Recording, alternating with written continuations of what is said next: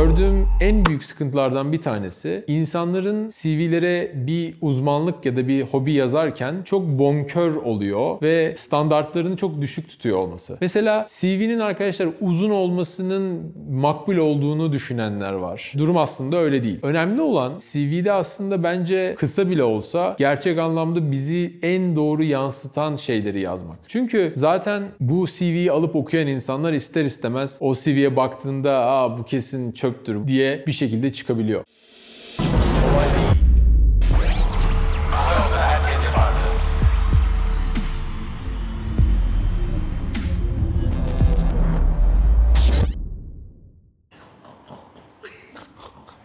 Düşünüyorum. Melis'in düşünme hareketi. Herkese merhaba. Kolay Değil'e hoş geldiniz. Ben Mustafa Namoğlu. Karşınızdayım. Pek çok kez olduğu gibi. Umarım sıkılmıyorsunuzdur benden. Ben valla kendime bu kadar çok tahammül edemeyebilirdim.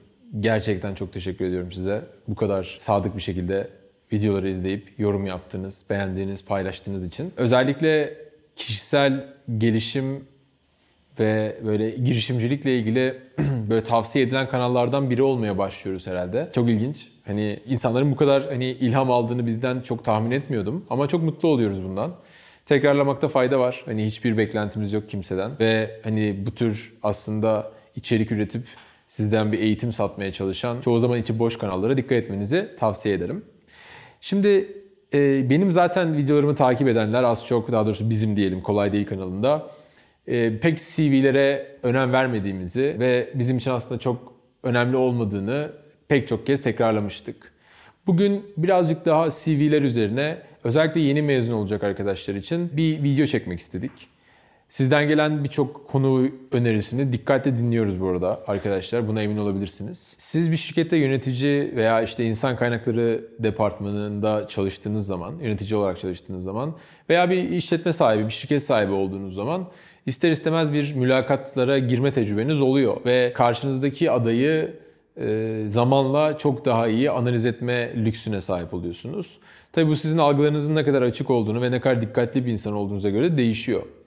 E, ben hani kimis çok güya işini iyi bilen İK'cılar tanıyorum ki hata geliyorum demesine bağırmasına rağmen ya da yanlış bir aday olduğu belli olmasına rağmen hala o uyarıları alamayıp yanlış adayları şirketlere dahil eden e, birçok İK'cı da tanıyorum maalesef.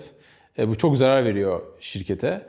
E, ama dediğim gibi tecrübeli bir İK'cı veya tecrübeli bir orada hani mülakat yapan kişi özellikle CV'ye baktığı zaman, o CV'yi okuduğu zaman sizin arkadaşlar sanki hayatınızın böyle bir özetini okuyor gibi oluyor ve sizinle ilgili ciddi anlamda bir fikri oluyor. Ama bu bir ön yargı da oluyor aynı zamanda. Sizin için çok tehlikeli bir durum oluyor. Bir de şunu unutmayın. Zaten hani CV'yi ilk değerlendirirken hani bir ön yargısı oluşuyor. Daha sizle hiç konuşmadan. O yüzden hani CV'yi doğru hazırlamanın önemi çok kritik bir konu. Mesela benim şahsen CV'lerden böyle biraz hani konunun ortasından gideyim. Gördüğüm en büyük sıkıntılardan bir tanesi insanların CV'lere bir uzmanlık ya da bir hobi yazarken çok bonkör oluyor ve e, standartlarını çok düşük tutuyor olması görüyorum. En büyük hatalardan bir tanesi bu. Mesela CV'nin arkadaşlar uzun olmasının makbul olduğunu düşünenler var. CV'ye çok yazı yazmanın, çok bir şeyler olmasının çok makul ve makbul bir şey olduğunu düşünenler var ki durum aslında öyle değil. Önemli olan e, CV'de aslında bence kısa bile olsa gerçek anlamda bizi en doğru yansıtan şeyleri yazmak. Çünkü zaten bu CV'yi alıp okuyan insanlar ister istemez orada şey oluyor yani hani o CV'ye baktığında Aa, bu kesin çöptür, bu şöyledir diye bir şekilde çıkabiliyor. Mesela e, bence artık CV'lere bence sosyal medya hesapları eklenmeli. Yani özellikle public yani paylaştığımız bilgiler varsa örneğin Instagram hesabımız açıksa muhakkak eklemekte fayda var. Yani bir aday eğer zaten sosyal medya hesaplarını e, rahatlıkla oraya ekleyebiliyorsa çok gocunduğu, çekindiği bir şey de yok demektir. Zaten bu arada emin olun İK'cılar yani ya da bu CV bakan kişiler sizin muhakkak özellikle iş ciddi binecekse sosyal medya hesaplarınızda geziniyor yani. yani. LinkedIn, Facebook, Instagram. Şey gibi düşünmeyin ya onlar benim kişisel niye baksın ki ya da bakmaya hakkı var mı? Kişisel verilerin korum, işte korunması gibi konulara girmeye gerek yok yani. İnsanlar buna bakıyor. O yüzden Onu kendiliğinden oraya yazan bir insan şunu diyor abi aç bak yani hani ben hayatım ortada yani bir çekindiğim, sakladığım, gizlediğim ya da sana yaratmak istediğim başka bir imaj yok yani. Hani fake bir imajım yok demiş oluyor ki bence çok doğru ve güzel bir şey. Özellikle daha böyle güzel sanatlar gibi bölümlerde okuyan, mezun olan ve bir portfolyo hazırlamak zorunda olan ve portfolyoyu göstermek zorunda olan adaylar çok rica ediyorum bu portfolyo linklerini muhakkak CV'lerine koysunlar. Ee, özellikle arayüz tasarımcıları, UI UX designerları için söylüyorum. Dinleyen varsa lütfen Dribble'da bir hesabınız olsun. Yani Behance'te veya diğer yerlerde, Issue'da, orada burada bir portfolyonuz varsa bile aynısını mimikleyeceksiniz yani kopyalayacaksanız bile muhakkak arkadaşlar şeye koyun. Bir e, Dribble'a koyun. Dribble portföyü yani portfolyosu olmayan bir UI UX designer e, gerçekten hani böyle çoğu zaman daha kötü olarak algılanabiliyor yani. Hani mesela UI UX designer olduğunu iddia edip hala mesela issue diye bir şey var yazarız zaten link şeyde videoya ve linklerde. Hani issue'daki bir portfolyosunu yollaması zaten onun başlı başına zaten takip etmediğini anlatıyor şeyi olayı yani. Genel olarak güncel trendleri konuları takip etmediğini zaten başlı başına anlatıyor. Yani direkt eksi bir hanesine yazıyor arkadaşlar yani öyle yaptığı zaman. Mesela diğer dikkat ettiğim konulardan bir tanesi biz özellikle daha teknik bir profession varsa yani bir uzmanlığımız, mesleğimiz işte yazılım ya da yine tasarımcı olabiliriz. Orada hani kullandığımız araçlar var ya hani işte Photoshop yazıyoruz, Illustrator yazıyoruz, işte XD Design yazıyoruz, işte Sketch yazıyoruz, Figma yazıyoruz vesaire vesaire diğer programları yazıyoruz oraya veya yazılımsa işte Python yazıyoruz, işte JavaScript, TypeScript yazıyoruz vesaire. Bu tür şeyler için arkadaşlar e, özellikle işin program tarafında yine bir UI UX designer eğer oraya Dreamweaver yazıyorsa, eğer oraya Photoshop yazıyorsa Oradan da zaten yine çok eski kaldığını ve o kişinin güncel teknolojileri takip etmediğini anlayabiliyorsun. Direkt eleniyor yani bizde. Birçok insan da böyle yapıyor. Birçok bu arada standart ve üstünde yani gerçekten işi dünya çapında en iyi yapmaya çalışan firmalar böyle CV'leri otomatik olarak eliyor. Bu CV'lerde bir diğer sıkıntıdan bir tanesi de mesela bu typo yapmak. Yani e, yanlış yazmak yani. yani kendi kişisel bilgini veya bir programın adını eksik gedik yazmak falan. Bunlar da gerçek anlamda çok ilginç şeyler. Bakın bir tane grafik tasarımcı CV'si geldi bize. Dün oldu bu olay. Yani Temmuz 2020'den bahsediyorum. Ee, mevcutta çalıştığı startup'ın adını yanlış yazmış CV'ye. CV bu arada normalden farklı, havalı, güzel sayılabilecek bir CV olmasına rağmen çalıştığı startup'ın adını yanlış yazmış oraya yani. Şimdi yani çalıştığı şirketin adını CV'ye yanlış yazmış, ona dikkat etmeyecek, etmemiş bir insan gerçekten çok kötü bir algı yaratıyor. Çok ciddi bir ön yargı yaratıyor. Bana sakın şey demeyin abi yani ondan mı değerlendiriyorsun adamı diye. Ya evet arkadaşlar bunlar ileride sende çalışmaya başladığında da e, veya bir yer çalıştığında ne kadar dikkatsiz olabileceğinin göstergesi. Çünkü işe başlarken ciddi, yeterince ciddiyet göstermemiş, önem göstermemiş yani oraya. Bir diğer sıkıntılardan bir tanesi CV ile ilgili güncel olmuyor arkadaşlar CV. Yani e, başvuruyor aday CV oluyor. İşte örneğin Ankara'dasınız CV'de işte Bursa yazıyor. Halbuki aday aslında Ankara'da oturuyormuş. Ve orada Bursa yazdığı için elediğiniz olabiliyor o CV. Yani lütfen gerçekten ikamet ettiğiniz ve güncel bilgileriniz olan CV'ler hazırlayın.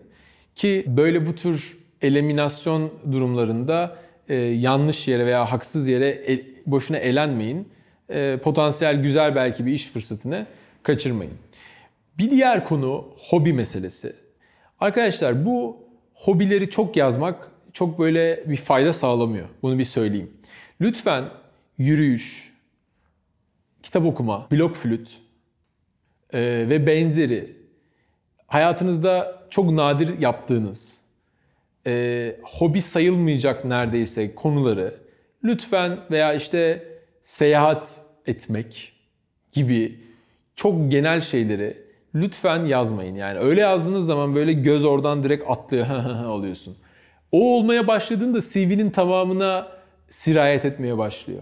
Yani şöyle düşünüyorsun. Buraya böyle çok özür dilerim yani bullshit yani böyle yazmak için yazmış bilgiyi adam CV'nin kalanını da herhalde öyle dolduruyor gibi düşünüyor insan ister istemez.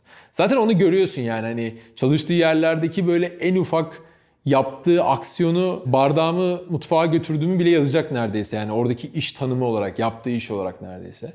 Böyle şeylere gerek yok. Gerçekten vurgulanması gereken, highlight edilmesi gereken konuları ne olur yazalım biz CV'ye ki az ama öz olsun ve okuyan kişi desin ki tamam ya hani bu böyle havacıva değil yani bu böyle sırf beni kandırmak için bir şey yazmamış. Gerçekten az ama öz bir şeyler yazmış gibi düşünsün. O yüzden tekrar söylüyorum yani lütfen hani yürüyüş yapmak, arkadaşlarımla buluşmak gibi şeyleri hobiye yazmayın. Ya yazacaksanız nefes almak falan yazın bir de isterseniz. Hani yemek yemek falan yazın yani. Hani lütfen bunları hobiye yazmayın. Bu çok komik gözüküyor. Diğer bir mevzu şu CV bu arada böyle bir şablon aklıma geliyor neler olduğu. Gerçek anlamda bu dil mevzusu çok ilginç bir mevzu.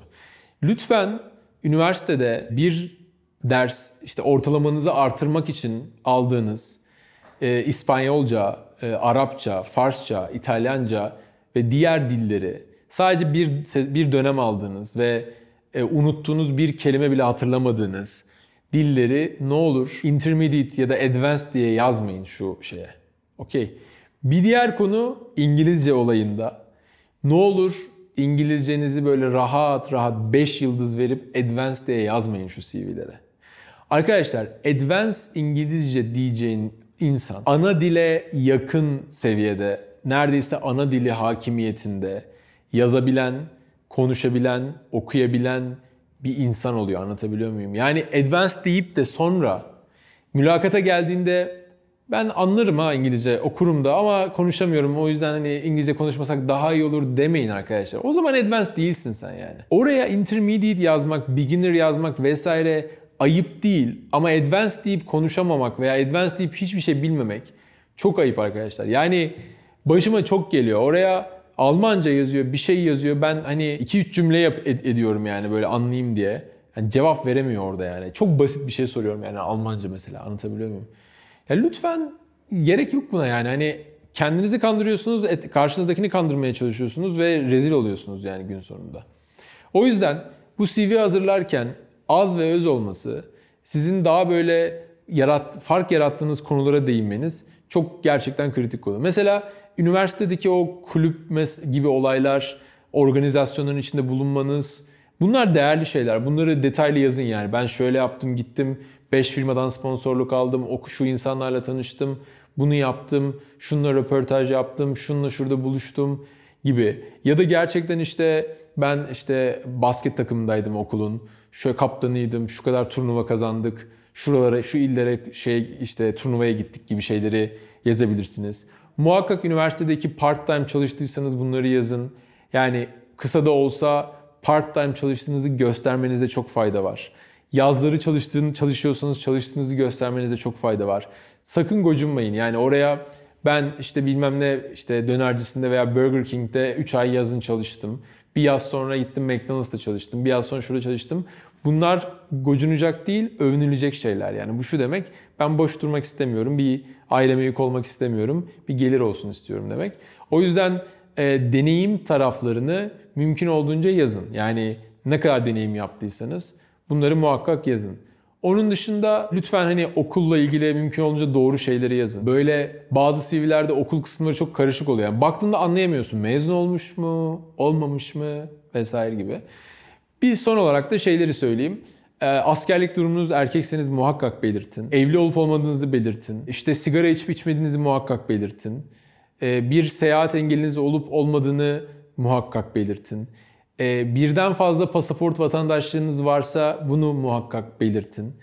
Ee, ana diliniz eğer birden fazlaysa muhakkak altını çize çize ana dil diye belirtin. Yani örneğin işte Suriyeli olursun Türkiye'de çocukluğundan beri hem ana dilsi Arapçan vardır hem Türkçeyi ana dil gibi öğrenirsin ya da Almanya'daki Türkler gibi.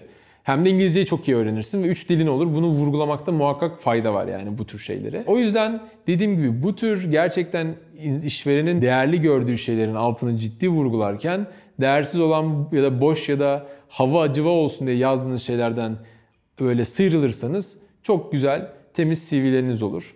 Ve çalışmak isteyeceğiniz firmalarda size onlara göre doğru değerlendirir. Hani sizin fake CV'lerinize göre sizi işe almaya razı olan firmalar belki de çalışmak istemeyeceğiniz yerler de olabilir. O yüzden gerçekten keyifli, doğru yerlerde çalışmak istiyorsanız CV'nizde bu şekilde hazırlamanızda fayda var. Bizi dinlediğiniz için çok teşekkürler. Bir sonraki bölümde görüşmek üzere. Kaç dakika oldu? 15. Bayağı anasını gene 15. Hava yolda herkes yapardı.